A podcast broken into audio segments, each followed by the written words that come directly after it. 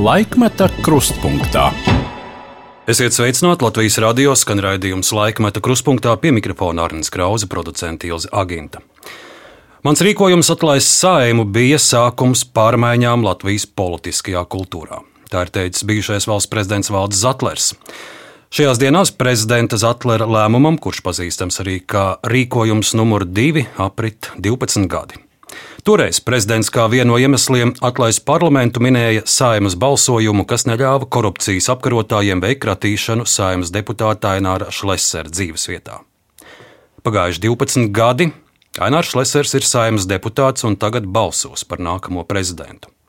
Kādas pārmaiņas ir notikušas Latvijas politiskajā kultūrā? Kā vērtēt valsts prezidenta izraudzīšanās procesu un Krievijas agresiju Ukrainā? Mūsu šodienas viesis ir Maskavā spiedis roku Vladimiram Putinam, bet uz Rīgas pili aicināja jaunā viļņa dziedātāja Dmitriju Baskovu, kurš tagad ir viens no skaļākajām Putina kara atbalstītāju balsīm. Bijušais valsts prezidents, arī izcils ārsts, ķirurgs, arī basketbolists un bundzinieks savulaik. Valdis Zatlers ir mūsu šodienas viesis. Sveicināts, Zatlērkungs. Labdien! Pēc uh, Gunta Ulmaņa un Vairsvīts Freibergs nākamie četri valsts prezidenti ir nostrādājuši tikai vienu termiņu augstajā amatā. Jūs bijāt pirmais viena termiņa prezidents. Protams, katrs gadījums ir atšķirīgs, bet kopumā kādēļ šādi, ja to var saukt par tradīciju, Latvijas politikā ir ieviesusies? Manuprāt, tā tieksme pēc diviem termiņiem gan tautai, gan pašiem prezidentiem ir pārāk liela.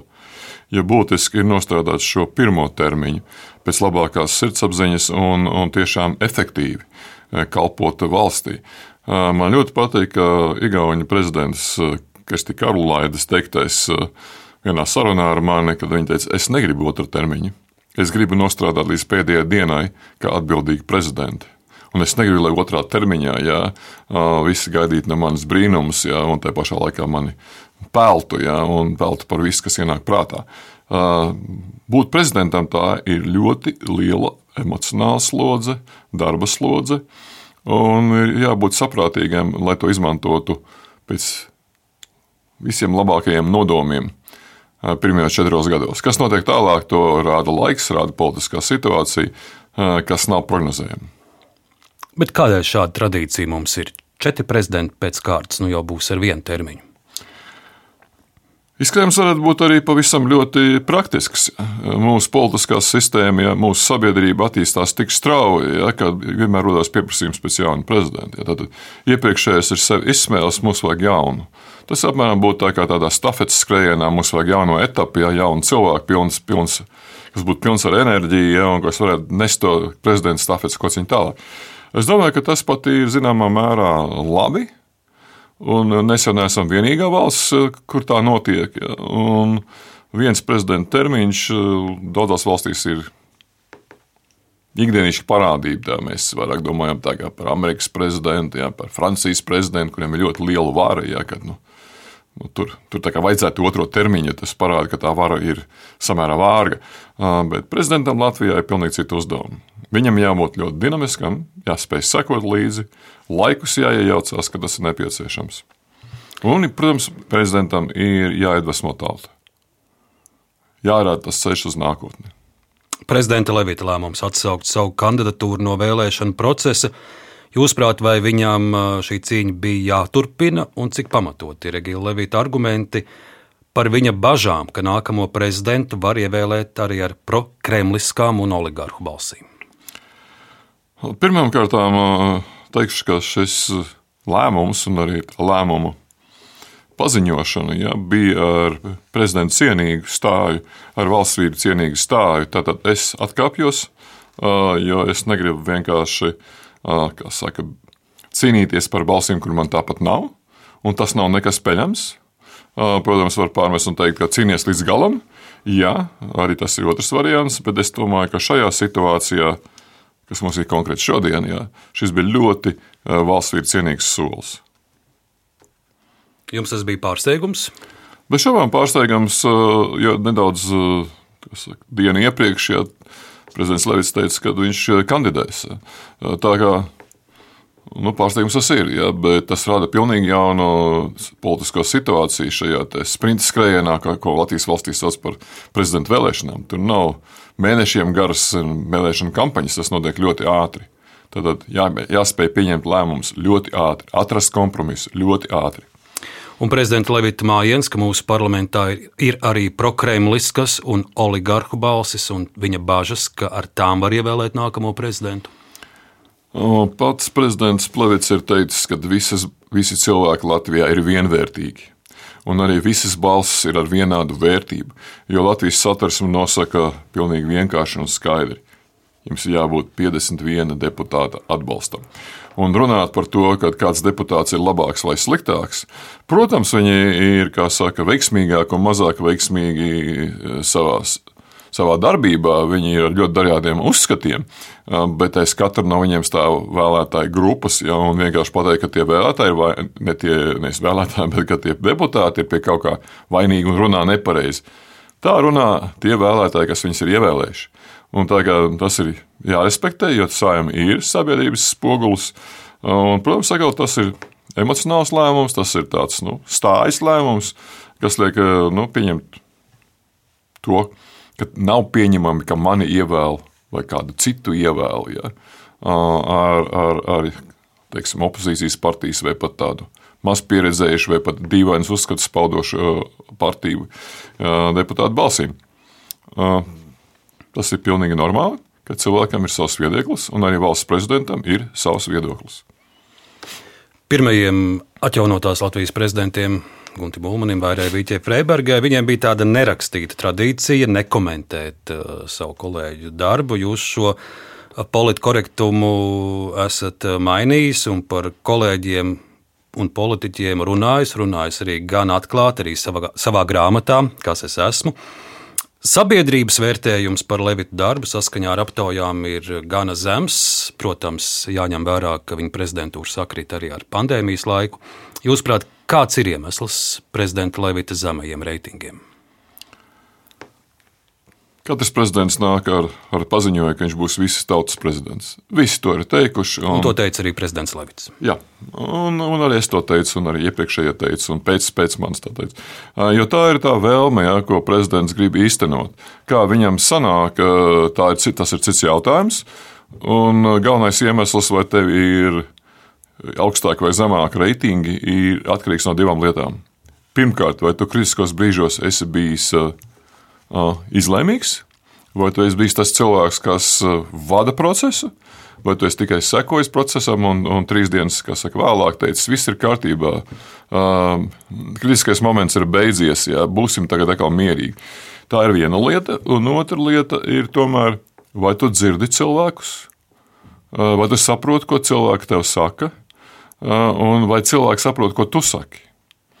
Un tas ir ļoti svarīgs elements, jo tā, tā, tā formula, es esmu visas tautas prezidents, jau nenozīmē, ka tagad tu ar katru sasveicinies ja, un, un būlies izdabāt visiem diviem miljoniem cilvēku.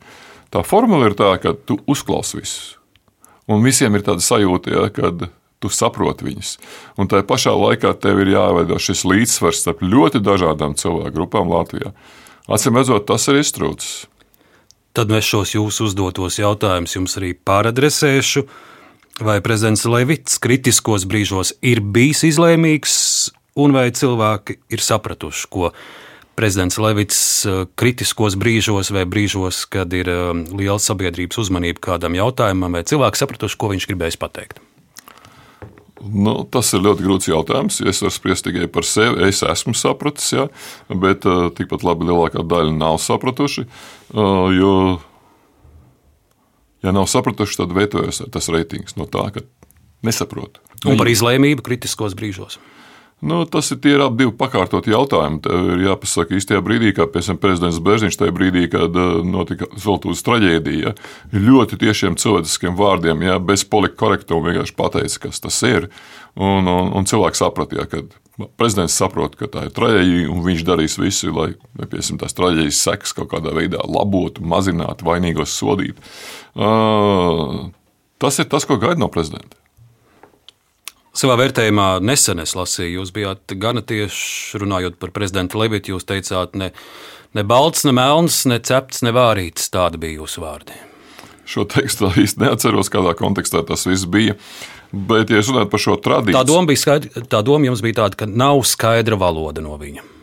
Uh, es teikšu tā, ka tā tradī, no, jurist, tradīcija, no juristiem jau mums būtu jāsagaida skaidra valoda. Uh, nu, mums ieviešās interesanta saruna. Redziet, katra prezidenta to raksturu, to veidu, kā viņš pieņem lēmumus, kā viņš paziņo par saviem, nosaka viņa teiksim, līdzinājā dzīves pieredze. Un, un ja mums visu laiku gribējās, zin, kad nu, jurists mums izdarīs vislabāk, ja, ko tur ārsts un ko tur psihologs ja, un ko, ko tur teiksim, tā, biologs, ja, un tagad mums, nu, tagad mums viss ir kārtībā, ja mums ir jurists. Bet ja, katrai šai profesijai un tā dzīves pieredzē, ko tā profesija rada šajā cilvēkā, uh, ir sava filozofija apakšā. Un uh, tiesneša filozofija ir skatīties abas puses, ja, un tad, kad gan arī viss ir skaidrs, ja, tad vienkārši pateikt, kāds ir slēpts spriedums. Uh, piemēram, ķirurgam ir nenokavēt mirkli ja tu nokavē mirkli, tu vari pazaudēt eh, savu cilvēku dzīvību. Ja? Un, un, un tā tas ir katrai profesijai, kur tu izspēlē to eh, lēmumu vai saproti to lēmumu, ja? Eh, kā tu esi pieredzējis. Un tāpēc, kad kā, sākumā ne jau šodien, kad šodien būs gatava viss analizēt prezidenta Levija darbību, es domāju, nevajag to, vajag visam nogulties. Un, un vēsture pateiks visu, ko viņš ir darījis labi, ko viņš nav darījis tik labi. Ja? Un, Bet pašā sākumā jau arī bija tas, ka nu, kā tad tā, jurists un saku, bet jūs tieši to arī pieprasījāt. Jūs pieprasījāt cilvēku ar tiesnešu teiksim, dzīves pieredzi, veidu, kā lēmumu pieņemt. Man ļoti daudz politiķi nesaprata, kā es pieņemu lēmumus un kā analizēju situāciju, tāpēc tas bija ārsta stils. Ja? Bet es pateikšu vienu lietu, ko Levitkungs ir ļoti labi izdarījis. Es nesen dzirdēju vienu interviju, kur tas intervējumais uzdeva tam žurnālistam tādu jautājumu. Nu, kāds mērķis ir jūsu valsts konstitūcijai? Viņš saka, nu, kā kāds mērķis? Nu, mēs te nu, dzīvojam pēc likumiem, ievērojam viņus. Viņš saka, nē, nē, nē. Tas ir process, bet kāds ir mērķis? Nu, viņš nevar atbildēt. Nu, redziet, tā, tā, tā, tas labākais, ko Lietuvs ir izdarījis, tas ir satversmes preambula. Tātad mērķis mūsu konstitūcijai, mērķis mūsu valstī kāpēc mums ir šī konstitūcija un ko mēs gribam to sasniegt. Tajā, es domāju, ka viņš ir izdarījis ļoti daudz labas lietas, bet nu, tagad tā, kā saka. Šim prezidentam laikam es ieteiktu ļaut drusku nosēsties ja, un ar vēsu prātu analizēt, lai to dara vēsturnieki. Mēs ar vēsu prātu varam analizēt arī uh, prezidenta vēlēšanu procesu. Mūsu saruna tiek ierakstīta ceturtdien, un Latvijas politikā, kā zināms, pa stundām arī situācija ir mainīties, un līdz sestdienai vēl viss, kas var notikt. Bet šobrīd mēs zinām, ka ir uh, trīs prezidenta amata kandidāti - ārlietu ministrs Rinkēvičs, uzņēmējs Ulris Pīlēns un progresīvi izvirzījuši arī Elīnu Pinto. Uh, tas ir no kā izvēlēties saimnes deputātiem. Viņiem vienmēr ir no ko izvēlēties. Pat ja izvirzītu vienu kandidātu, būtu jāsavāc 51 balss, kas balso par šo vienu kandidātu. Uh, Kādam no, no šiem trim ir reāla šansa? Kas viņus tā varbūt vieno visus? Jā? Tas ir spēja nebaidīties arī zaudēt. Tas nav, tie nav izmisuma soļi, ja, tie ir apzināti soļi. Ja, tad es eju uz turieni, ja, un pat ja es zaudēju, ja, tad es zinu, ko es darīšu tālāk.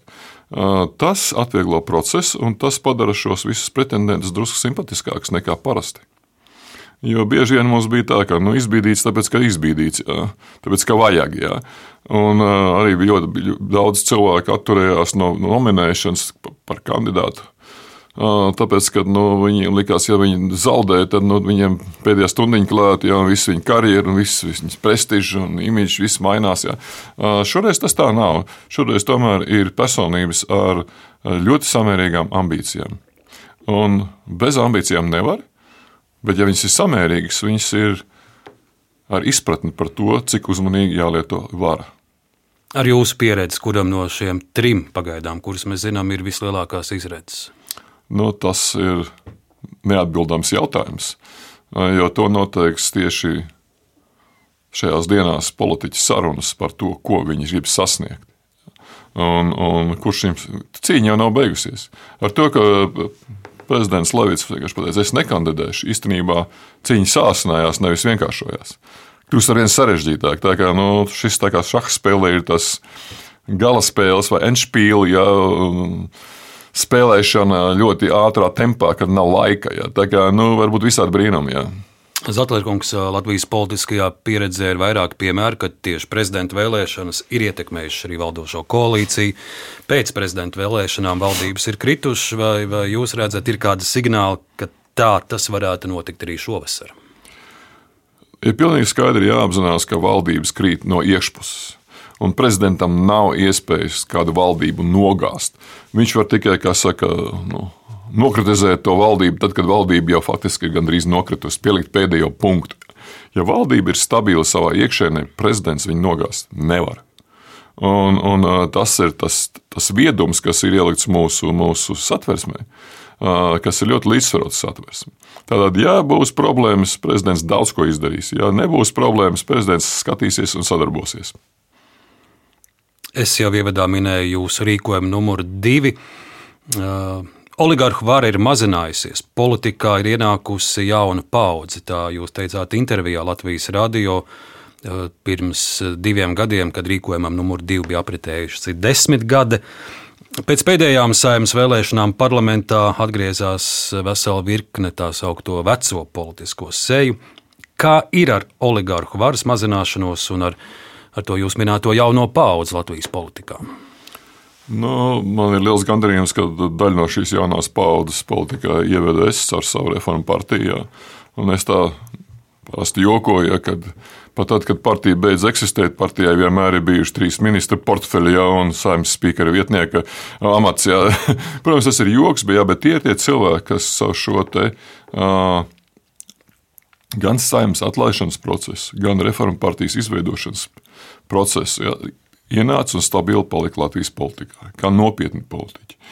Un tad paskatīsimies, kas mums ir ar tiem, kā jūs sakat, sen jau bijušajiem. Ja. Nu, es domāju, ka tā ir tā pēdējā iespēja viņiem, un kā mēs redzam, viņiem ar to iespēju nekas tur tā labi nesanāk. Ja būtu opozīcijā un reizē nu, bez iespējām ietekmēt valdību, nekā. Un gadi, gadi jau arī ir vismaz tikpat, cik man. Un vairāk ir tāda, tāda nu, pēdējā izrādīšanās. Ja. Es domāju, ka nākošajās vēlēšanās uh, šie cilvēki vairs netiks ievēlēti, jo tās partijas netiks ievēlētas. Jums patīk runāt skaidru valodu. Kurus cilvēkus jūs redzat, kuriem šis ir tas pēdējais pieejams? Nu, es, domāju, es domāju, ka jūs gribat skaidru valodu. Nu, jā, no Latvijas pirmajā vietā, ka es dzirdu, ko viņi runāja, un es zinu, kā viņi runāja pirms 20 gadiem. Ja. Nu, tad man ir skaidrs, ka tas jau ir tāds. Nu, tāda izmisuma runa. Jā, tā, nu, vienalga, pie kā pieķerties pie tās varas, palikt tur, jā, un varbūt iegūt to varu. Jā, un, un nevar jau arī veidot partijas tā, kur zina, ka tur ir tāds ģimenes uzņēmums, tur viena ģimene, tur otra ģimene. Jā, tad, nu, es vispār brīnos, kā, kā, kā latviešu cilvēks to paskatās un uzskata, tas ir normāli. Jā, tagad, nu, tas jau tas pats. Nu, ka mums tā kā būtu kaut kādas tādas aristokrātiskas dzimtas, ja, kas būtu tiesības. Bet uh, nav jau viņiem, nebūs viņiem jau politiskā piedāvājuma. Viņiem nebūs politiskā piedāvājuma, ja šoreiz, piemēram, nu, tāds šlesera enerģija ja, un konsekvence pats galvenais ļoti daudz nostrādāja. Arī tas, ka sākās karš un kaut kur bija jāpaliek tām saskaņas balsīm, nu, bija jau daudz objektīvu iemeslu, kāpēc tās valsts tika savāktas. Ja. Bet es neesmu kopš ievēlēšanas dzirdējis nevienu jaunu ideju, ar ko viņi varētu uzrunāt vai nu pašu saimu vai, vai vai vēlētājs, vai pat ne, plaša sabiedrība, ja jauna ideja tur nav. Jo nokritizēt ja, šo valdību bez jaunām idejām un piedāvājumiem no tā, ka nu, tur jau ir bijis bijušais premjerministrs, tur ir bijis jau bijušais vicepremjerministrs. Ja, tad, tad cilvēki, kas īstenībā jau to situāciju, kas šodien ir kaut kādā veidā kaut ietekmējuši. Jūs sakat, tur nav jauna ideja, bet tur ir ļoti skaļas balsis. Trešdien Jāņa Dombūra raidījumā, kas notiek Latvijā, tie, kas skatījās, redzēja, piemēram, Eh, Ainas Šlesers ļoti skaļi pateica, prezidenta Levita, vācieties prom. Jūs runājāt nu, par to, kas ir normāli un kas nav normāli. Tagad es jums teikšu tā, eh, vai tā ir māka, ja, kas saka, iesist cilvēkam, ja, kuram nav balss. Ja, nu, tas tā ir vienkārši izrādīšanās, un, un šodien tur nav nekāda teiksim, eh, ietekme to, ka, ko paziņoja prezidents Levits. Tas bija prezidenta Levita personīgais lēmums. Uh, no, no, no, no Šlesera puses tā vienkārši bija tāda nu, skaļa apskaukšanās.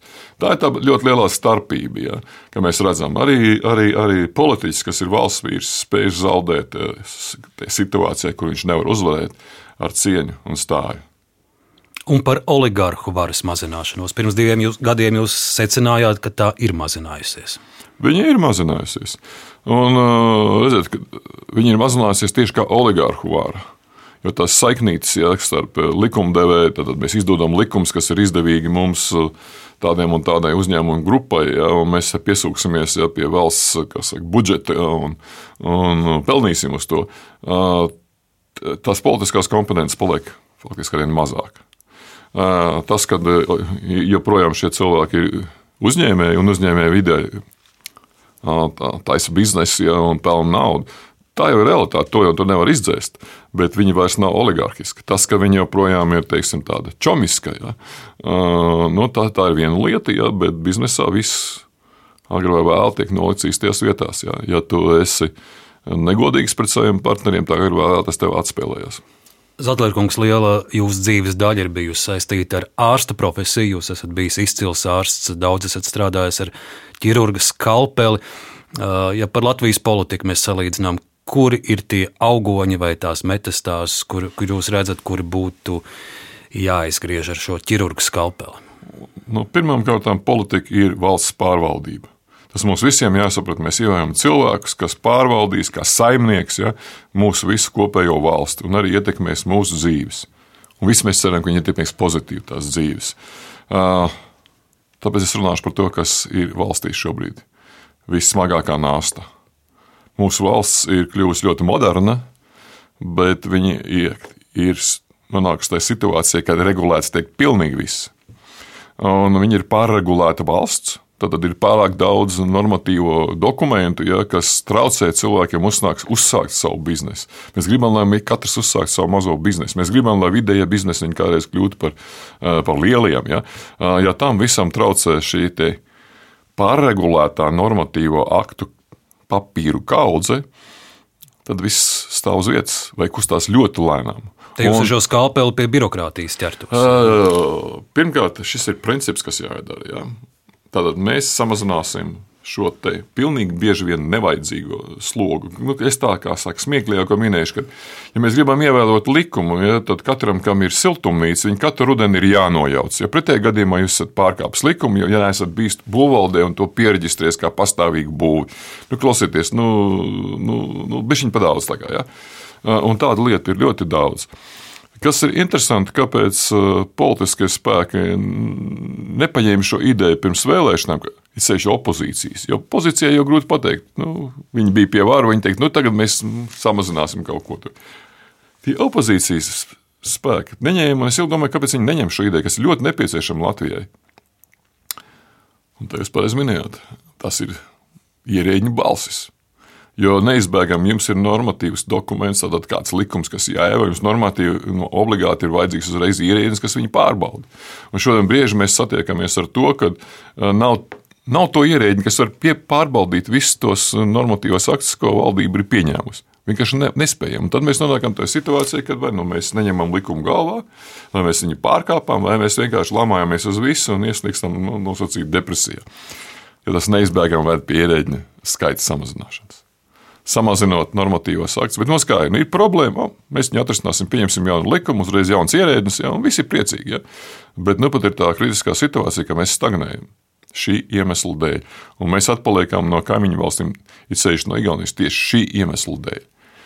Kad mēs esam sapinušies šajā savās regulācijās, ka mēs esam iebiedējuši ierēģiņus līdz tādai pakāpei, ka viņi vispār neko negrib darīt.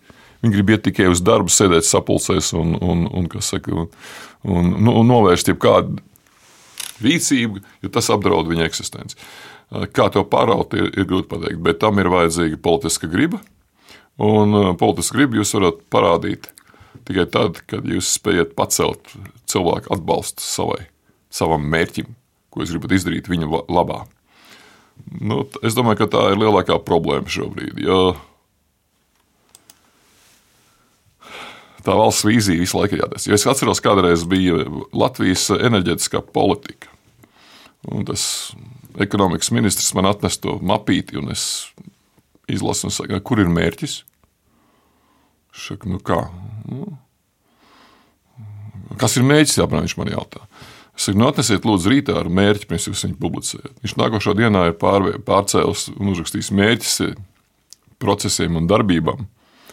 Un beigās viņš saka, kas tas ir? Es saku, lētākā iespējamā elektrības cena Latvijas iedzīvotājiem. Skaidrs jums, bet tas taču ir tik vienkārši. Mm. Bet cilvēki to gaida. Zatlērkungs atgriezīsimies pie valsts prezidenta institūcijas. Šajās dienās diskutējot par prezidenta vēlēšanu procesu, es sadzirdēju, ka izskan arī tāds viedoklis, ka ir zudis prezidenta institūcijas šarms. Tik lietots arī šāds vārds, ka kopš Vairsvīts Freibergas laikiem Rīgas pilī šīs institūcijas prestižs ma mazinās. Man būs interesanti dzirdēt jūsu viedokli, bet pirms tam es piedāvāju noskatīties un klausītājiem arī noklausīties pirmo mūsu šīs dienas arhīvu fragment raidījumā. Tas ir 2002. gada 8. augusts. Latvijas valsts prezidenta kancelēs video materiāls, kurš šobrīd glabājas Nacionālajā arhīvā. Un šeit ir stāsts par to, ka valsts prezidenta Vairvīķa Freiberga apmeklē traumatoloģijas un ortopēdijas slimnīcu. Ir uh, liels notikums. Slimnīca ir saņēmusi vadības sistēmas certifikātu.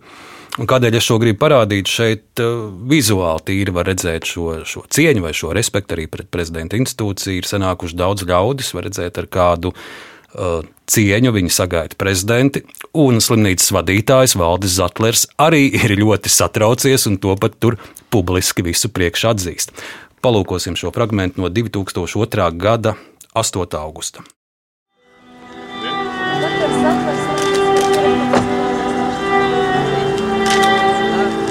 Tas ir bez komentāriem, tīrs video materiāls. Mēs, esam svētus. Atcerieties šo tikšanos? Jā, ļoti labi.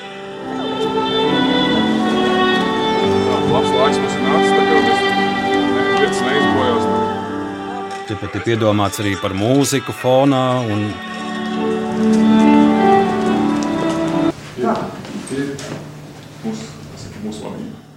Un te jūs iepazīstināt ar slimnīcas vadību. Ja? Parakstam viesu grāmatu. Ja? Un prezidents parakstās viesu grāmatā.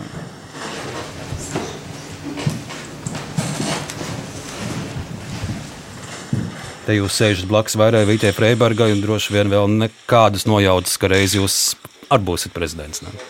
Pat visdziļākajā zemapziņā viņas nebija.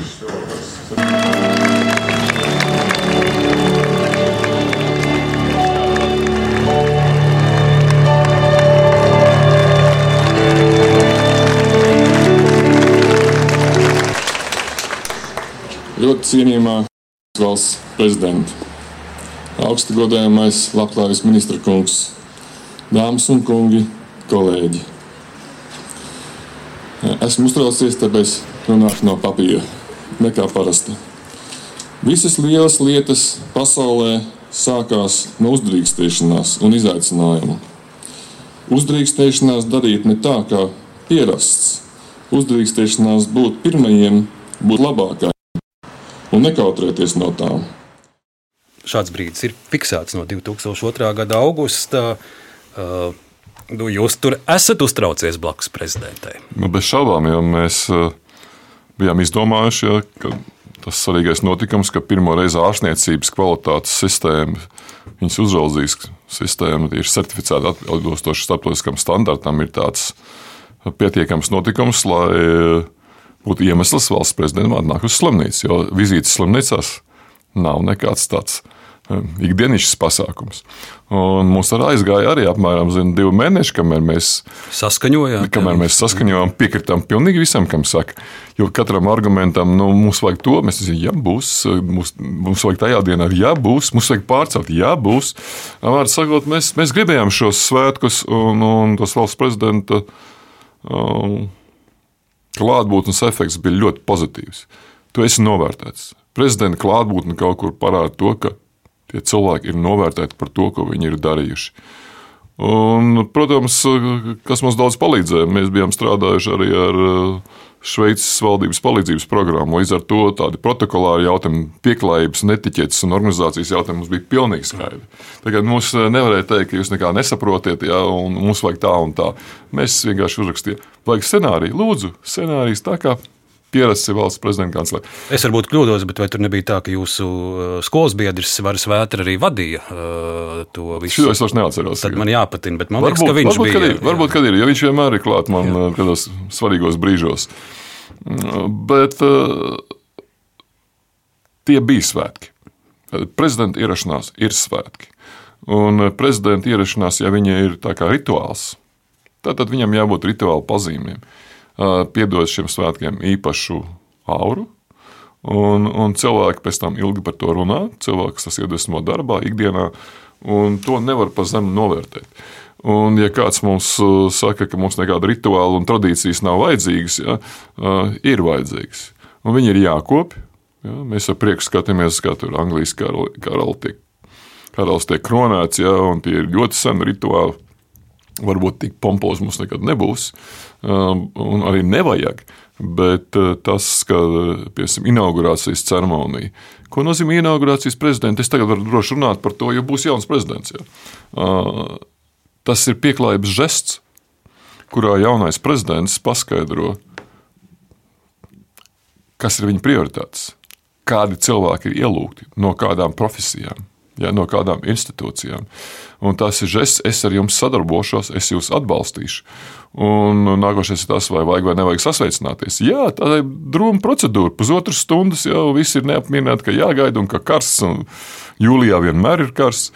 Bet ir bijuši jūsu kolēģi prezidenti, kuri ir atteikušies no šīm ceremoniālajām lietām. Jā, bet šī ceremoniālā lieta, šis rokas spiediens, man prezidents uzticās. Un es ar savu rokas spiedienu saku, es uzticos tev, prezidentam. Ja? Tā kā šie rituāli nevieni nav radušies senos laikos kaut kā tāpat vien. Mēs tagad mums preti kāds. Nu, Padomā par to, kāpēc mēs viens otram dodam roku, ja? vai kāpēc militāra persona uh, plaukst, plaukst pie, pie deniņiem. Ja? Bet tam katram ir apakšā kaut kāds notikums, ja? un kaut kā, kāpēc tas ir darīts. Kaut kādos laikos tas ir bijis ļoti svarīgi. Un, ja mēs sakām, tīsi iepriekšējie laiki mums nav svarīgi, mēs šodien esam moderni cilvēki, ja? mums sociālie tīkli. Jā, mums visi varam staigāt vienalga, saplēstās džinsās, iet uz operu, visur kur citur. Jā. Mēs pazaudēsim to, ka cilvēki cienīs šo hierarhiju pozitīvā nozīmē, kas eksistē sabiedrībā. Un šī hierarhija dod vairāk uzticības. Protams, ja tu esi slikts valdības vadītājs vai prezidents, ja, tad cilvēki to, to arī pateiks. Ja? Bet, eh, ja tu piemēram caur savu šo cieņas izrādīšanu viņiem un caur šiem rituāliem, uh, tas sabiedrību padala daudz labāk, un viņai ir daudz vairāk tādas radošas vēlēšanās kaut ko darīt pašiem. Jo, piemēram, Amerikas viens no rituāliem ir, ko Amerikas vēstniecība kādreiz savā pieņemšanā parādīja. Tiek ienesis Amerikas Savienoto Valstu karogs. Karognesējs un divi viņa adjutanti. Protams, attiecīgi muzika. Viss zāle sasniegst. Ja viņi izrāda tajā brīdī cieņu. Un nevis tāpēc, ka viņi ir izdomājuši, ka viņi izrādīs, bet tas notiek pats no sevis. Tā kā, nu, es ceru, ka nākošais prezidents pievērsīs vairāk uzmanības tieši šiem protokolām lietām. Jau.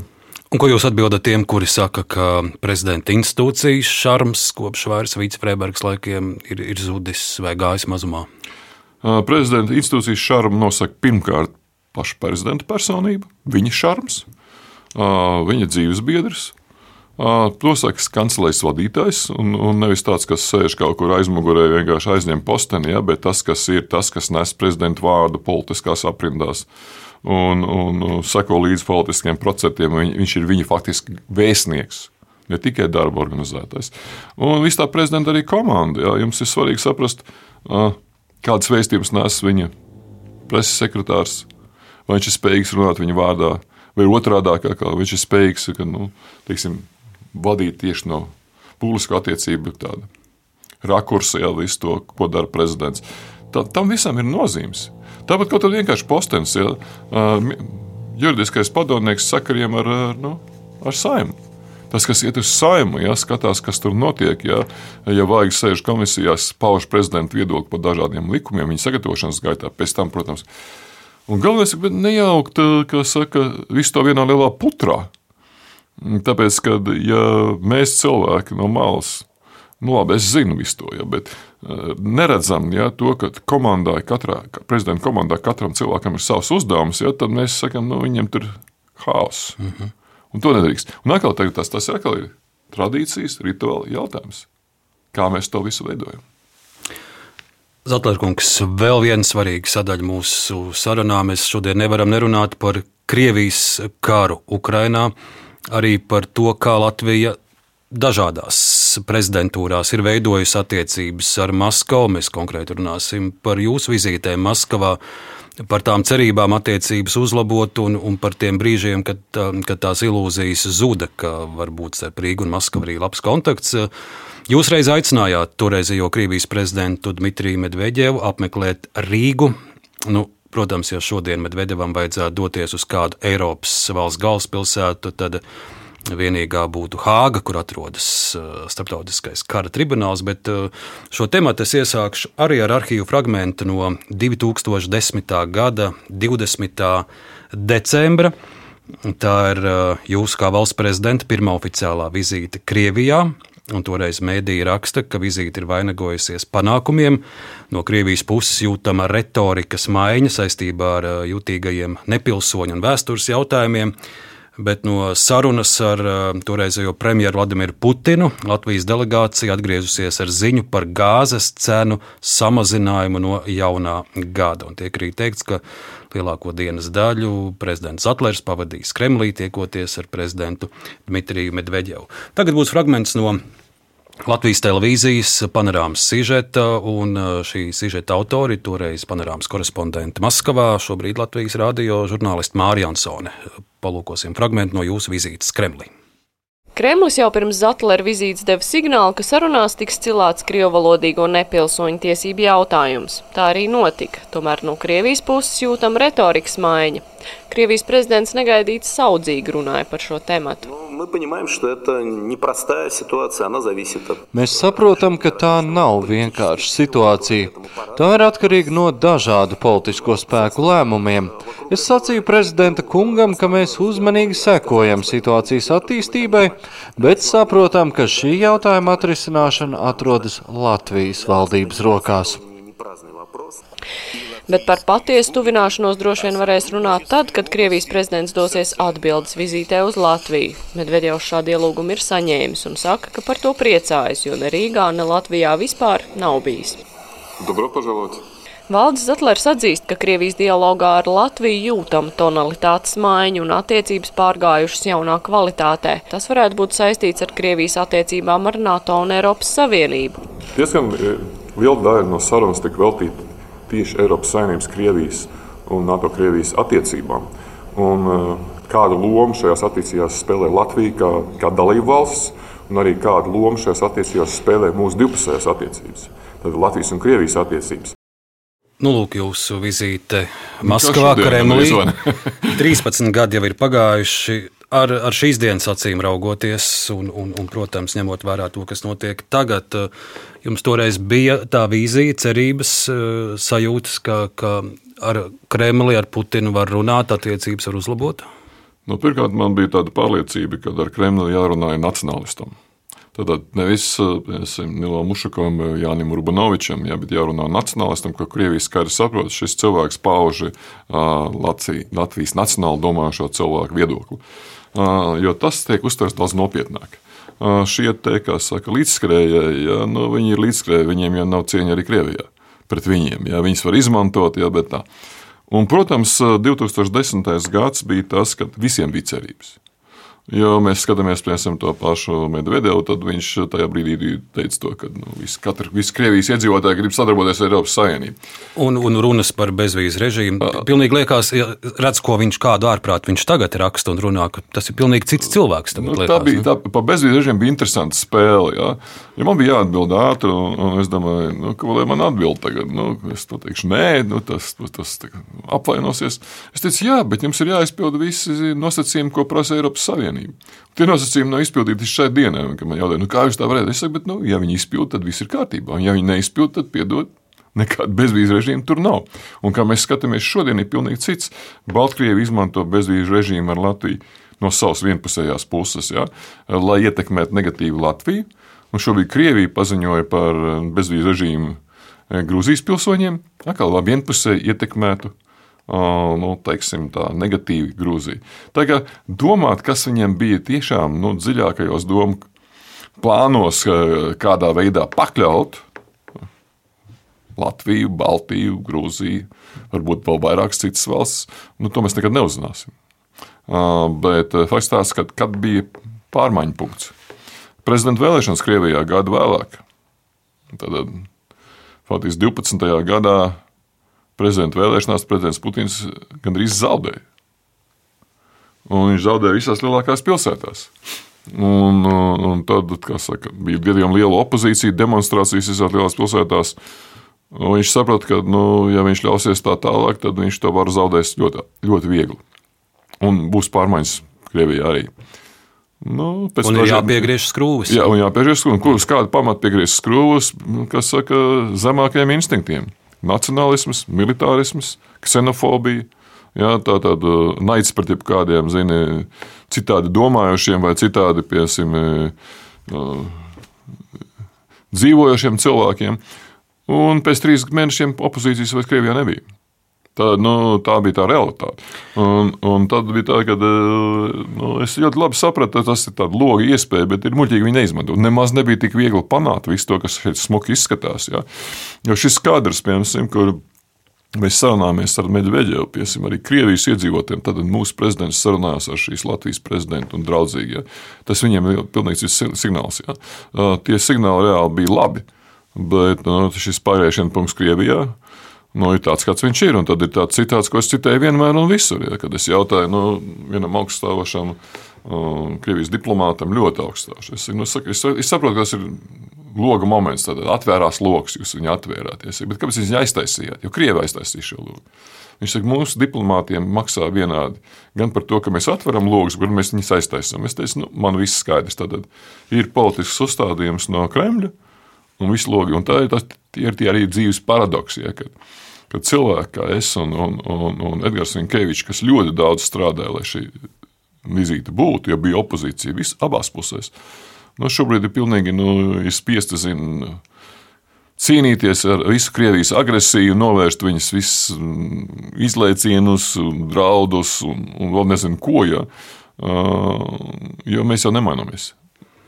Krievija mainījās. Mans nākamais jautājums jums nevien kā prezidentam, bet arī kā ārstam, un ārsti spēja diezgan ātri. Ja tā moderni teikt, noskanēt cilvēku, jūs atspretāts ilgāku laiku pavadījāt gan ar Putinu, gan ar Medvedevu. Kāds tas um, šo cilvēku psiholoģiskais portrets jums priekšā parādījās? Mm, nu, protams, ka viņi ir dažādi.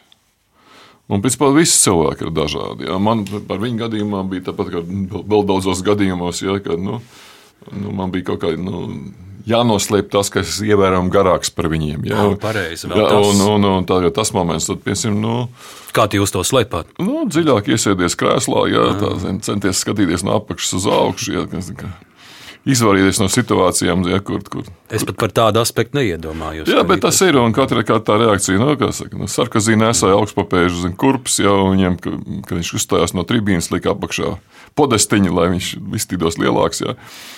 Nu, jā, nu tāda, tāda problēma eksistē dzīvē. Piemēram, Medvedevam nebija par to nekāda kompleksa. Par Putinu es nevaru pateikt. Jā. Bet jūs redzējāt, ka jūsu priekšā runājot par Putinu sēž uh, bijušais čekists, jā. kurš izgājis VDK skolu? Simtprocentīgi. Kā tas izpaudās? Nu, pirmkārt, uh, viņš bija vienmēr sagatavots. Mm -hmm. Un ko nevar teikt par Latvijas delegācijas locekļiem, kur bija ministru līmenī valdības, ja, kur nebija sagatavojušies. Un tas gāzes stāsts, kas izklausās ļoti rožains, ja, īstenībā bija traģēdija tā sarunu laikā. Ja. Mēs tur varējām daudz zaudēt tikai tāpēc, ka ministrs nav sagatavojies. Ja. Kurš bija ministrs? Kampars. Mhm. Un, un tādu duklavu dūdošanu, ja, tur, un, un smaidu, ja, un, to nevar lietas nogatavot. Jo pretī sēž ļoti organizēti cilvēki. Un, un katru mūsu kļūdu tika pārvērsta Krievijas efektā. Viņi iegūta no katras mūsu kļūdainās uh, pozīcijas, vai ir neprecīzās vai nesagatavotās pozīcijas. Tagad, arī tas par to kontroli. Jā, tur, nu, Viņi grib kontrolēt to situāciju. Un arī to hierarhiju, kāda valda, ja, un cik klusi sēž tie, kas kādreiz citās, saka, citās, citās vietās ir ļoti skaļi no Krievijas politiķiem. Tie sēž klusi un tā ir tā. tā. Medvedevs bija drusku braurīgāks. Nu, viņš tagad arī ir braurīgāks, ja, bet viņam kļūt par jauno Žiedrovsku nav iespējams, jo nav talanta tik liela. Ja, bet, uh, tu, bet to, ka Putins ir spēcdienestu cilvēks, to varēja just jebkuru minūti.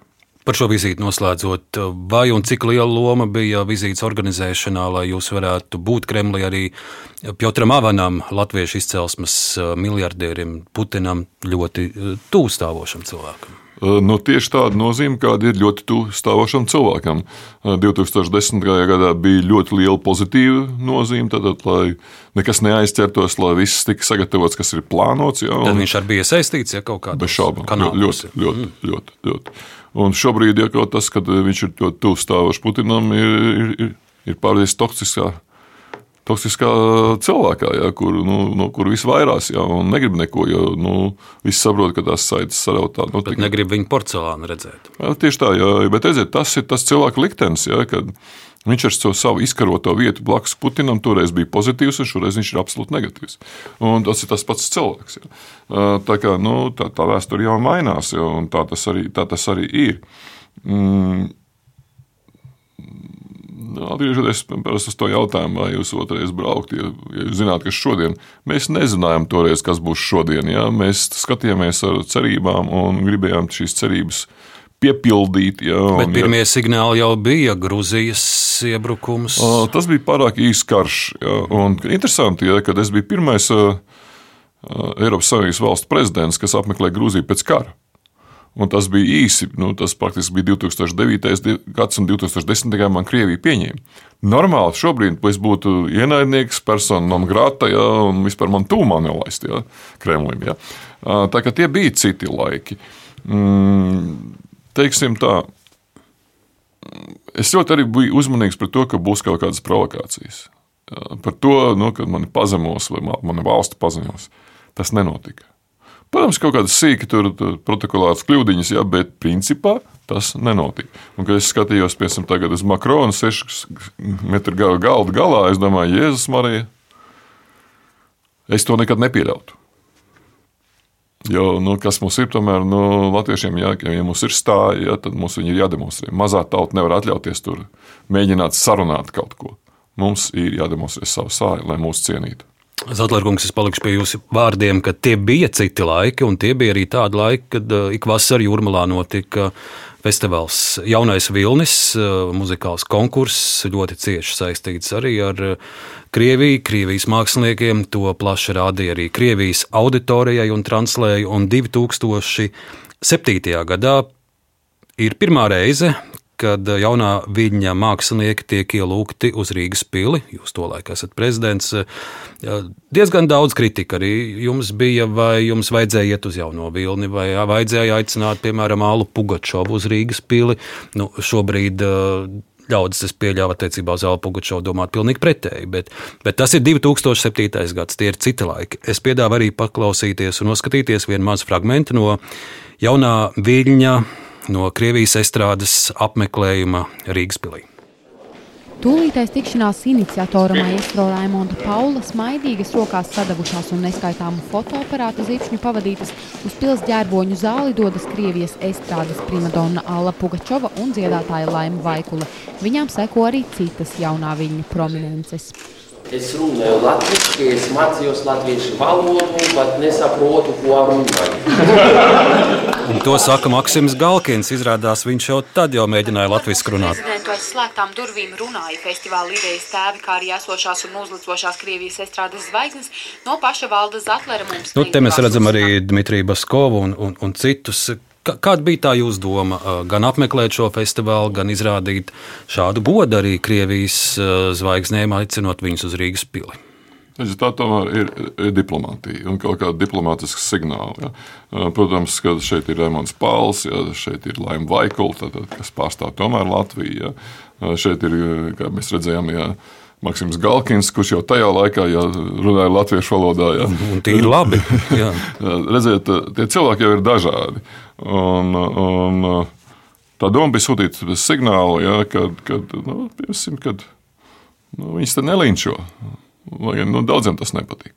Un tad bija ļoti grūtais jautājums, ja, kā tagad aiziet uz to jauno vilni ja, un, un saglabāt savu stāju ja, un, un, un, un saka, neizlikties pa pakalpiņu. Ja turpīsim dažādu prezidentu apsveikumu un tā tālāk, es saprotu, ka es rakstīt nedrīkstu. Es neko nerakstīšu. Nekādā valodā. Es neko nerunāšu, nekādā valodā, ja principā krievu valodā es tajā laikā, kamēr bija prezidents, nerunāju.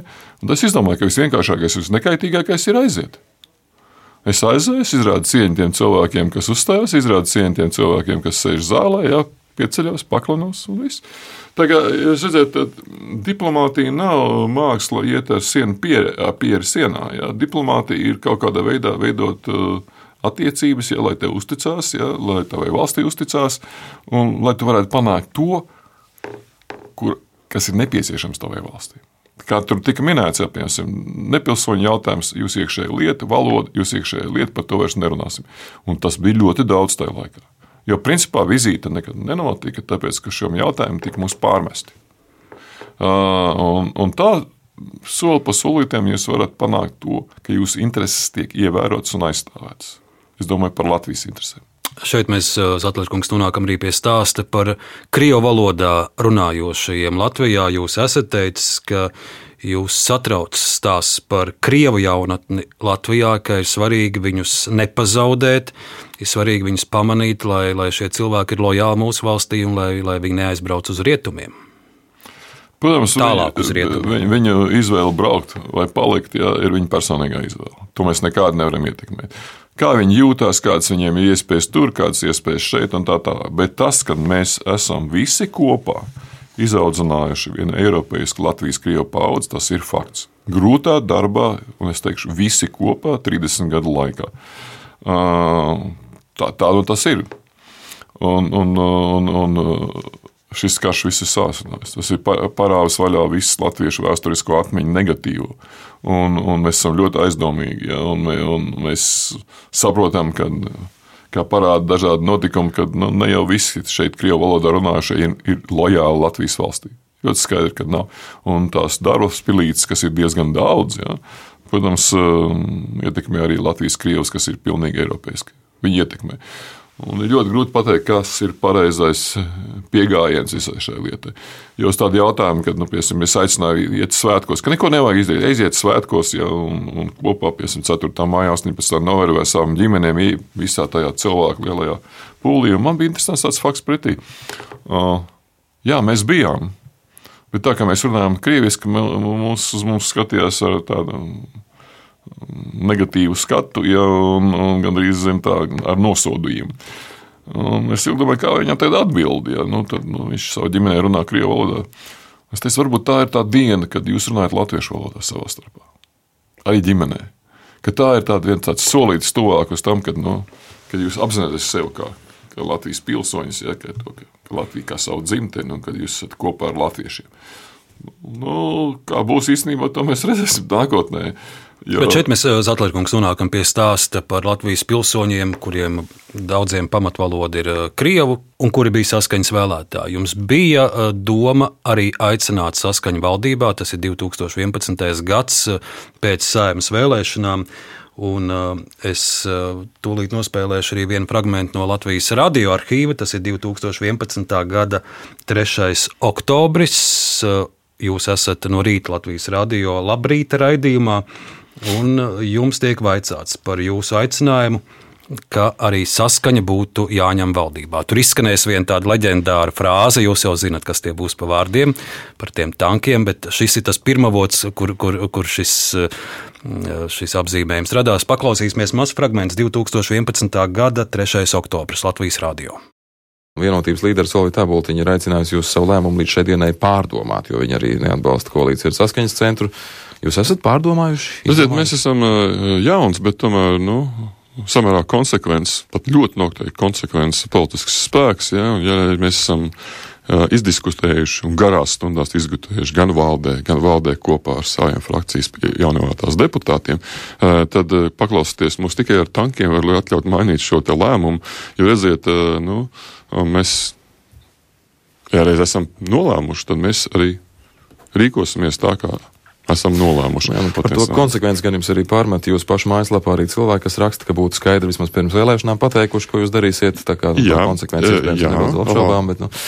Ga, nā, var gatavi atbildēt uz šo jautājumu. Mēs ļoti skaidri pateicām uz jautājumu, kad viss tincināja, ieskaitot nu, radio un televīziju, ja, kas tad būs jūsu koalīcijas, kā tad būs. Mēs zinām, mums ir tikai viena sarkanā līnija, tas ir Zaļo zemnieku savienība, tā ir oligarka savienība, un visiem pārējiem mēs runāsim, nosaucam pat secību, un tā arī bija vienotība Nacionālais bloks saskaņa. Sarunas gājušas jau divas nedēļas, tad nu, mēs esam nonākuši tur, kur sarunās var nonākt. Nu, beigās arī saskaņa netika ņemta valdībā, un arī saskaņa nu jau vairs nav arī parlamentā. Nu, tāds ir viņas liktenis. Nu, un, redziet, tas, tas brīdis atkal bija tāds. Nu, Loga atvēršanās moments, ja, kad mēs varējām piespiest ja, saskaņu kā jaunāko brāli ienākt uh, valdībā un, un uzņemties kaut kādu atbildību. Par tiem tankiem jums tā nejauši tā frāze pilnīgi nejauši, izskrit, jā. nu, pilnīgi nejauši. Redz, kā, es, kā es, biju tik, paķert es to. biju tik nokaitināts, ka abotiņi no mājas guļamistabas runā, un es runāju no rīta septiņos pārguras tur, jā, studijā, kad, nu, droši vien tas bija tā, kā saka, emocija tāds, nu, tāds īsti izplūdums uzreiz. Bet fakts tāds, ka, nu, cilvēki to tajā brīdī nesaprata, varēja jebkurā brīdī to saskaņu no tās valdības, ja viņi neuzvedās tā normāli, jā, kā pienākās Latvijas valdībā. Esošam politiskam spēkam vienkārši varēja viņu izsvīst ārā. Tur nebija nekāda problēma. Jo tas bija interesanti. Tā bija situācija, kad viņi ar saviem gandrīz 30 deputātu balsīm īstenībā vienalga bija jaunākais brālis. Pēc tam vairs tādas situācijas nekad nebija. Un viss beidzās ar to, ka saskaņa kā partija faktiski jau ir pazudusi no Latvijas saimnes. Ja. Tas ir viņa liktenis. Ja. Protams, ka ne visi bija tik drosmīgi. Un, un ne jau es viņus tur vilku iekšā tajā, tajā valdībā, ja, bet vienkārši piedāvāja viņiem iespēju. Un, protams, ka nu, vienotība nobijās tajā brīdī. Viņi baidījās par savu nacionālo vēlētāju un, un, un sadalījās ja, un spēku. Nu, tā ir politika, ja, bet uh, politikā nepiedāvāt vēsturiskos brīžos kaut ko varbūt pat riskantu. Ja, uh, nu, tas nozīmē pazaudēt iespēju. Nu, šoreiz bija tā, ka nu, iespēja tā arī neradās. Ja. Cik ātri parādījās, tik ātri arī pazuda. Ja. Mūsu šodienas sarunā ir jāpiemina, protams, arī Ukraina. Un šeit arī iesākumā, sākot šo tematu, fragments no 2008. gada 27. jūnija. Jūs esat Ukrainā un pēc 22 gadiem apmeklējat arī Černobiļu, Černobiļas apkārtni, kur jūs piedalījāties arī kodola katastrofas seku likvidēšanā. Šeit jūs esat Ukrainā jau valsts prezidenta statusā, un, un tas būs tāds īsts fragments, ko jūs tur ieraugat, kā Černobiļa izskatās tagad, un, un, un, un kādas jūsu atmiņas par to katastrofas seku likvidēšanu. Arī fragments no panorāmas arhīva 2008. gads sižeta autora Judīta Čunka. Simtiem pamestu māju, kas ieaugušas kokos. Tā šodien izskatās 50 km radiusā ap Černobiļas reaktoru, kur 1986. gadā notika pasaulē lielākā kodola katastrofa. Tūlaik neviens nezināja, ko darīt. Visi nodarbojās ar māju un mašīnu attīrīšanu no radiācijas, bet medicīna bija tik vien, cik uzsmērēt ziļonkus pumpām. Tā atzīst Valdis Zatlers, apmeklējot Budavāroviču ciemu, kur kā militārais mediķis piedalījās katastrofas viņam ir aizsargt tās emocijas. Ir tādas, nu. Kā seriālā filmā, jums, domāju, jums ir tieši tādas pašas emocijas.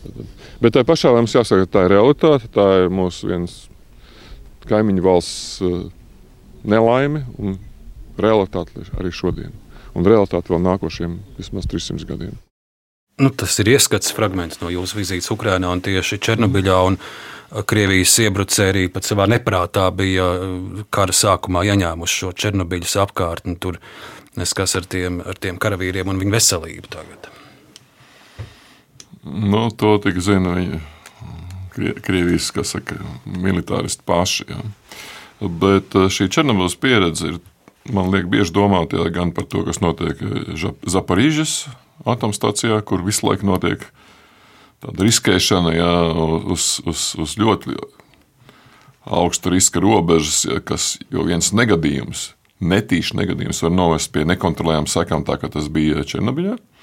Tā ir viena lieta, un otrkārt, es esmu diezgan pārliecināts, ka atomieroču pielietošana nenotiks. Mm, jo tā pieredze rādīja, ka tas skaitīja arī tam uzbrukošam karaspēkam. Ļoti pat. Ja? Un nekāda militāra iegūma no tā nav. Nu, nu, vairāk ir tā iebiedēšana, ja, un šis ilgus desmitu gadu mīts ja, par to, ka nu, kodolieroči atrisina visu. Kodolieroči īstenībā neatrisina neko. Ja nu vienīgais tā, kā saka, nu, ir krievalodās teiciens, ne jums, ne mums, ja, tad ejot prom no Krīmas, uzmet atombumbu, ja, lai, lai, lai tur būtu tūkstnesis uz apmēram 300-500 gadiem. Ja. Vai, vai, vai, vai, vai tas ir to vērts? Nezinu. To. Bet nu, arī karot un sākt karu nebija vērts, bet lietas notiek. Zeltārkungs, es skatos pulkstenī un, un skatos savos pierakstos, arhīvu. Man ir vēl tik daudz, ko es vēlos jums kaut vai tā īsi parādīt, pārskrienot visam tam pieredzētajam, kas ir. Nu, es, cik vien raiti var mēģināšu, un, un es sākšu ar pašu pirmo reizi, kad vispār jūsu vārds ir pieminēts publiski, presē, un tas ir tālais 1973. gads, cik jums tad ir gadu? 18, tā kā sanāk. 18 gadu. Un, un jūsu vārds ir minēts laikrakstā Sports. Īsts citāts - noslēgušās Republikas Rīgas zonas jaunatnes meistars sacīkstes basketbolā piecās vecuma grupās. Un jauniešu komandu konkurencē pēc sīvām un interesantām spēlēm. Pirmajā vietā ir Rīgas otrās bērnu jaunatnes sporta skolas audzēkņi - Eglītis, Birze, Ozols, Tauriņš, Krūmiņš, Cālītis, Vētra, Ziets, Grass un Valdis Zatlers. Nemaz nezināju šo. Basketbols, basketbolā, cik, cik nopietni ar sportu, ar basketbolu jūs jaunatnē, pusauģu gados? Nu, praktiski gan tomēr, līdz kā, nevaldos līdz kādam 20 gadu vecumam, vairāk ne. Jo medicīna paņēma visu sev, ja, un nu, basketbolists tas bija tāds, nu, teiksim, nespožākā zvaigzne. Tas sports jau paliek uz mūžu sports paliek uz mūžu, bet jūs minat arī savu izvēli kļūt par ārstu. Nākamā publikācija ir no 1978. gada. Laikraksts Padomju jaunatne un raksta nosaukums ir par balto halātu un godīgumu. Un te ir arī tāds jūsu portrets, jūsu apraksts.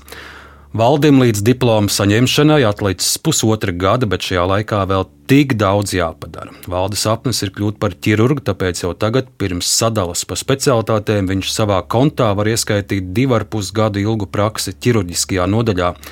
Varbūt tā bija spītība, varbūt zināmā mērā nejaušība, ka Valdis uzsāka mācības tieši Rīgas medicīnas institūtā, taču tagad viņš ir pārliecinājies, cik interesanti uzzināt, kā darbojas tāda sarežģīta sistēma kā cilvēka organisms.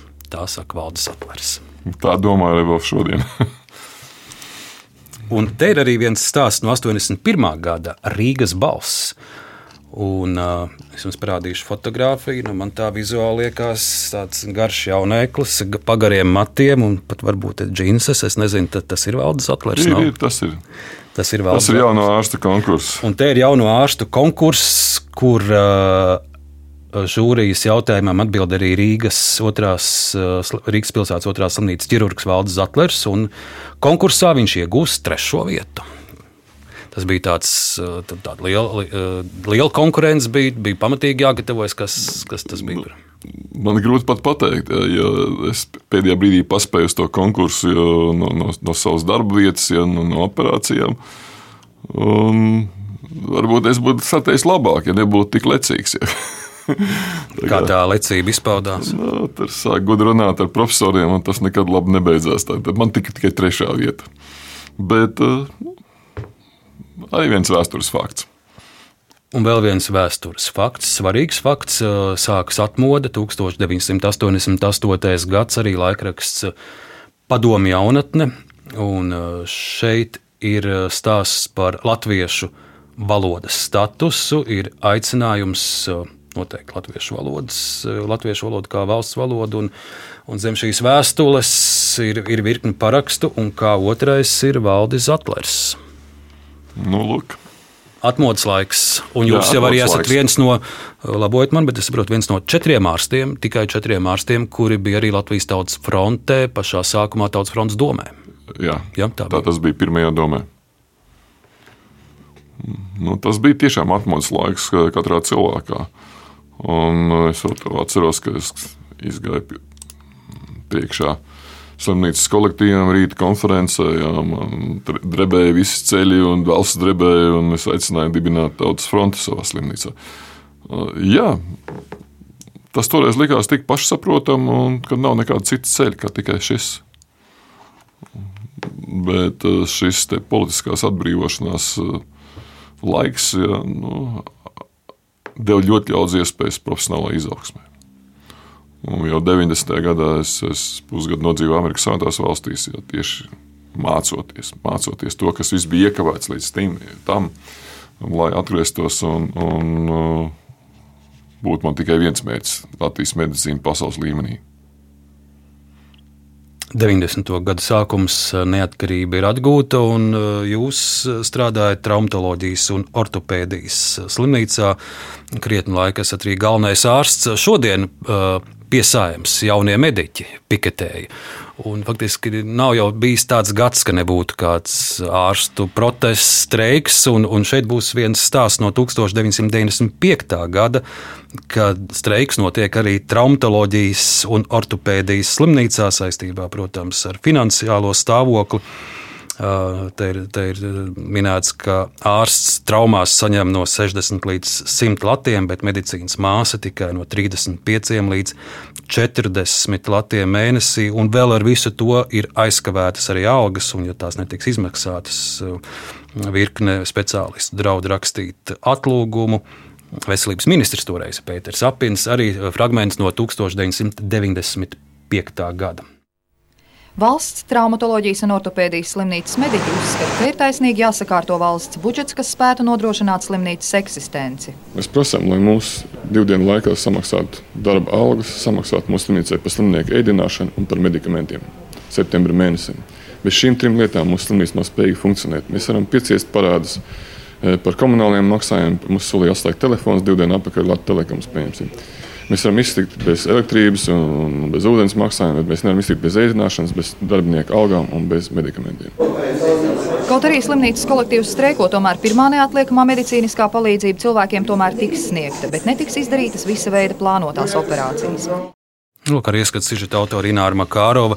Ja tagad mediķi pieprasa lielākas algas, tad mēs dzirdam, ka, ka vispār netiek izmaksātas algas. To jau pat tagad daži varbūt pat nevar iedomāties, ka bijis arī tā un ka slimnīcai atslēdzas, piemēram, siltumu par nesamaksātiem rēķiniem. Vislabākais tomēr bija tas, ka mums nebija ar ko ēdināt slimniekus. Un tā liekas, nu, kas tur, lai atnestu no mājām. Tajā laikā arī cilvēki no mājām pat nevarēja atbraukt ciemos pie tiem, kas bija slimnīcā. Un, un to nevarēja atļauties. Tagad tie bija citi laiki. Bet uh, es ļoti labi atceros šo vietu, jo es nemaz tā neesmu tāds streiku piekritējis. Mm -hmm. Es mhm. uzskatu, ka jā, jā, viss jādara ir nepārtrauktu sarunu veidā. Jā, tagad, nu, visu laiku jārūpējas par to, lai viss būtu kārtībā, un, un ja kaut kas nav, tad par to jās, jās, jāceļ trauksmi, jā, bet nevis tā kā tādām kampaņu veidībā tikai uz streikiem. Bet toreiz mēs ļoti labi izdomājām, pilnīgi klasika. Visi tie paziņojumi bija piekdienā. Pēc publisku attiecību pat saka, klasiskām grāmat, grāmatām. Jā, un, un, un, un tieši tā, ka tas brīdis bija tā, ka nu, mūsu prasības apmierināja jau pirmdien. Bet tas arī bija tāds laiks, kad tiešām tas prasīs apvienot. Jo visi saprot, ka algas ir jāizmaksā un slimnieki ir jāpē, jāpēdina. Ja.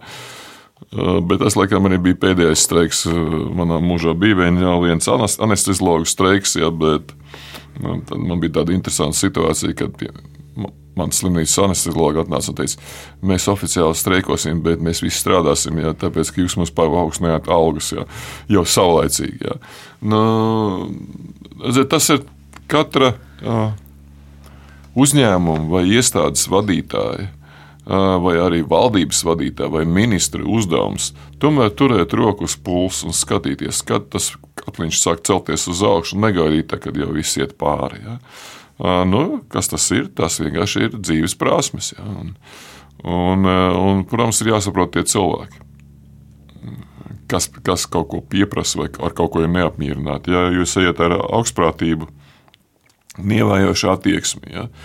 Vai ar tādu attieksmi, ka jūs noteikti viņus nu, kādā veidā viņiem radīsiet sajūtu, ka viņus apmānīsiet. Ja? Nekas tur labs nesanāks. Būs nākošais streiks. Ja? Jo mediķi īstenībā ir ļoti korekti. Ja. Viņi tā ar streikiem nepārspīlē.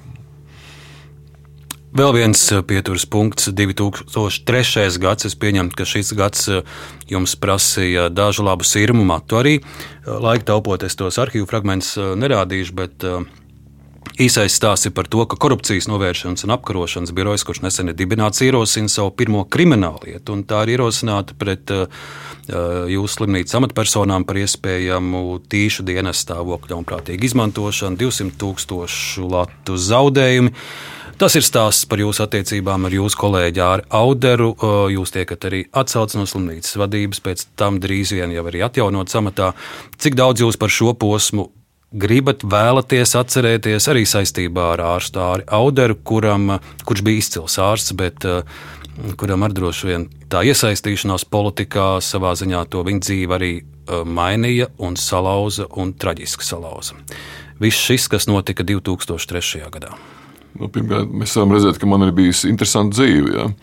Un, protams, tā sajūta, ja, ka pret tevi vēršās viss valsts aparāts, ja, represīvais aparāts, nav sevišķi patīkami.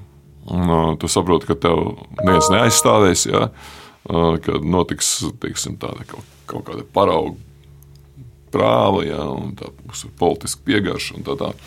Es par to visu nesūdzos. Tā bija mana dzīves skola. Ja. Un, ja to, ko jūs minējāt, tas bija uzstādījums, tad ja, pēc nemaldos trīs vai četriem gadiem ja, šī lieta izbeidzās ar to, ka viņa vienkārši tika izbeigta. Ja. Man, vienīgo reizi, kad man izsauca uz knābi, es aizbraucu parakstīties par lietas izbeigšanu. Ja. Un vienīgais, ko es gribēju pajautāt, es saku, es neredzu parādīt man lūdzu to dokumentu, no kurienes šī, šī lieta sākās.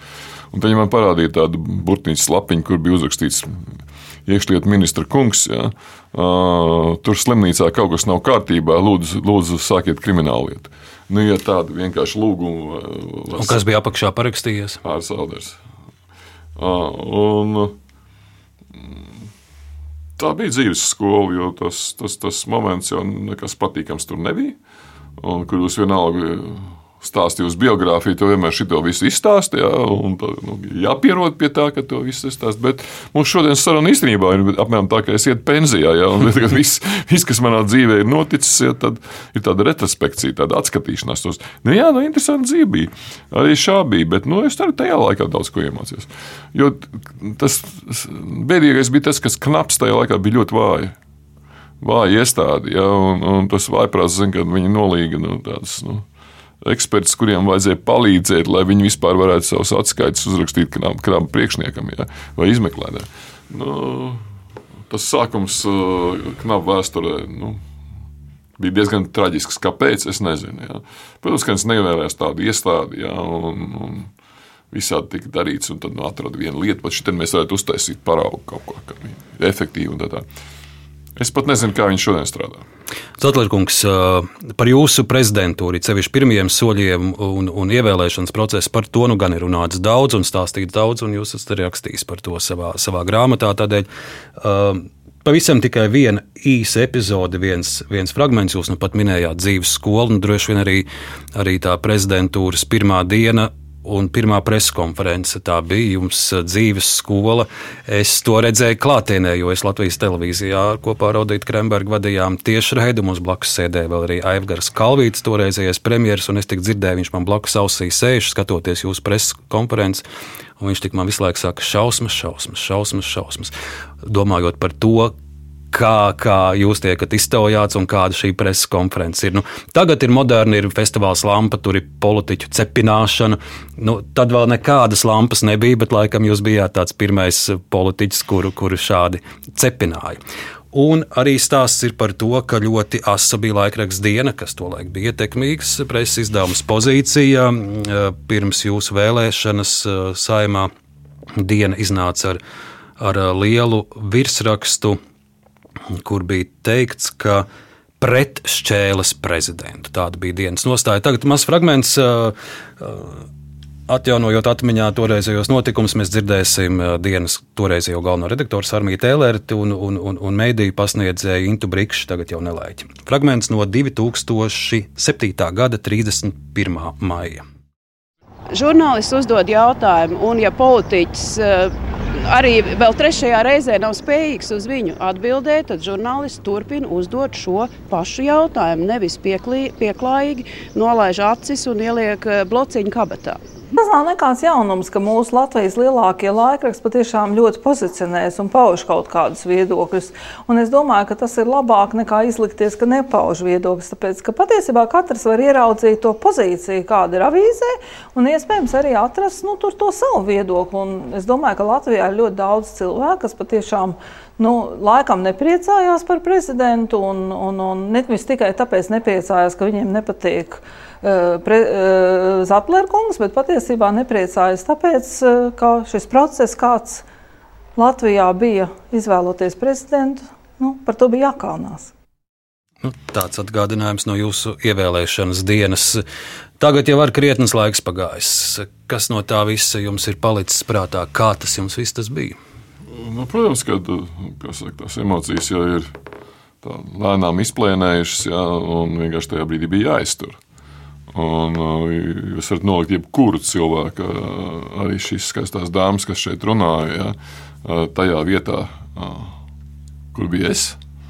Tad tikko ievēlēts prezidents, ja, bez preses sekretāra klātbūtnes, ja, vienkārši pat pēc palīga padomus, kur gan īsti pašam jādod vārds žurnālistiem, ja, un pašam jāatbild. Ja, un tad, nu, tā, kas saka, nu, tas bija nu, pārbaudījums man pašam. Jūs kādreiz esat vēl šos arhīvu ierakstus patins un paskatījies? Vai, es vispār vai, vai skatos, tas ir kaut kas, ko jūs esat tālāk plauktā? Nē, nē, es vispār skatos uh, regulāri vienmēr uh, savus ierakstus. Protams, jaunākos, jo man interesē, vai es esmu pietiekami skaidri izteicies, vai es pats saprotu, ko es runāju. Ja? Un tas paradoks ir tāds, ka tajā pirmajā gadā es, es skatījos tās runas un viss es taču sakarīgi runāju, ja, bet man neviens nedzirdēja. Tāpēc, ka viss šis fons, ja, ka, nu, viņš taču nekas nav. Ja, ko viņš to iedomājās, no kurienes viņš ir atnācis, no zoodārza. Ja? Tas viss fons, piemēram, nu, cilvēkiem drusku aizlika ausis, viņi neklausījās, ko piemēram, prezidents runā. Uh, tieši tā reize, nu, nav problēma. Nu, Es pats galvenais aizgāju mājās, un viss tur šausmās, un tā tālāk. Es tagad noskatos, kas tas varēja būt trakāk. Jā. Vēl trakāk. Varēja būt vēl trakāk. Nu, kā, nu, kad es pats varēju apjukt. Jā, pats es varēju.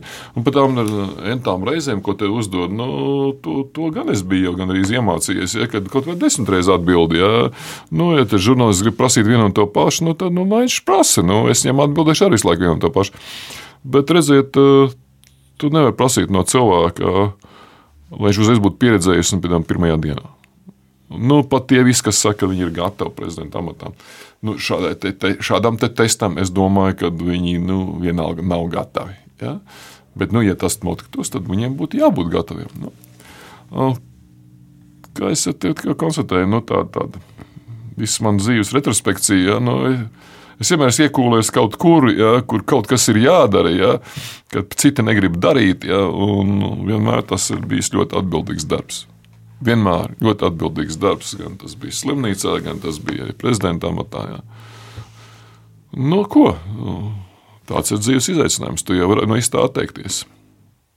Zatlērkungs jautājumi jums ir uzdot dažādi, un pabeigsim uz pozitīvas nots. Jums ir arī bijis jāstāsta, kādēļ jums bērnībā ir bijis svarīgs plīšas un īts, un kādēļ jums bērnībā bija sauka zaķis. Tad nu, es piedāvāju ar vēl vienu fragment no Latvijas radiofonotēkas 2009. gada 15. marts. Tad nu, klausīsimies, kādēļ jums bija iesauka zaķis. Uzmanību! Šodien, kāpēc tāpēc, Z burta misija, Zatlers, Valdis Zatlers. Kas ar tevi? Kāpēc? Tu zaudēji valodu? Tu dzirdēji? Man būs jādodas uz Rīgas pili, pie visgalvenākā cilvēka valstī, pie prezidenta. Nu, jūs varat apsēdīties. Kas ir viss vissenākais, ko jūs atceraties no bērnības? Plīšas sunītes, ko man uzdāvināja uz dzimšanas dienu. Es ar viņu gāju gultā, katru vakaru gulēt, stāstīju viņam pasakiņas. Vai jūs labi mācījāties? Es samērā labi mācījos. Man bija četrnieki un piecinieki. Tas nozīmē labi un teicami. Vai jūs skolā apsaukāja? Par ko man varētu apsaukāt? Katram bērnam ir kāda iesauka, un arī visiem jums arī droši vien klasē ir iesaukas. Tāda mīļvārdiņa, kā pārējie sauc. Man arī bija tāda. Kādi? Mani sauc par zaķi. Un ne par prezidentu? Nē, par zaķi. Un tā man sauc ilgi, ilgi, kamēr es pabeidzu skolu un iestājos augstskolā. Un varbūt arī man klases biedri šodien man tā sauc. 2009. gads, vai, vai arī tagad jūs vēl kāds sauc par zaķi 2023. gadā? Gan jau kāds atradīsies, ja klases biedri jau vēl ir. Un parasti prasa, kāpēc, ja, bet nu, īstenībā mūsu klasē atvasināja no uzvārdiem. Nu, tā kā tur Zatlers bija pārāk sarežģīts uzvārds, tad za bija zaķis. Nu, tā, mēs, tā mēs dzīvojam, tā mēs mācāmies. Ja. Bet uh, tā brīvība, kas man ir šodien, un tā brīvības sajūta, ja, tā faktiski ir veidota jau no, jau no pašas skolas laikiem, ja, un veidot ar tiem visiem notikumiem, par kuriem jūs jautājāt man šodien, ja, ieskaitot arī to preses konferenci. Ja. Nu, tas viss norūda, tas viss rada tādu pasaules uzskatu, un ir vērts par to padomāt, ja, kāpēc tas lietas tā notiek, ja, un kā tu varētu tikt ar to visu galā. Ja, un, Un galvenais nekad nezaudēt ticību sev. Nevis to, ka bez tevis nekas nevar notikt, ka tu esi vienīgais, galvenais un visgudrākais, bet tieši otrādi, tu tici sev, bet tu skaidri apzinājies, ka tu neesi vienīgais gudrākais un par visgudrāko vispār nerunāt. Nu, jo ātrāk to iemācās, jo labāks rezultāts. Tā saka prezidents Valdis Zatlers. Zatlers kungs, liels paldies jums šodien par sarunu! Paldies jums par jautājumiem! Radījuma autori Arnēs Krauzils, Aginta Nora Mitspaparēnis Budze. Liels paldies arī Latvijas Nacionālajam arhīvam un turpiniet klausīties Latvijas radio.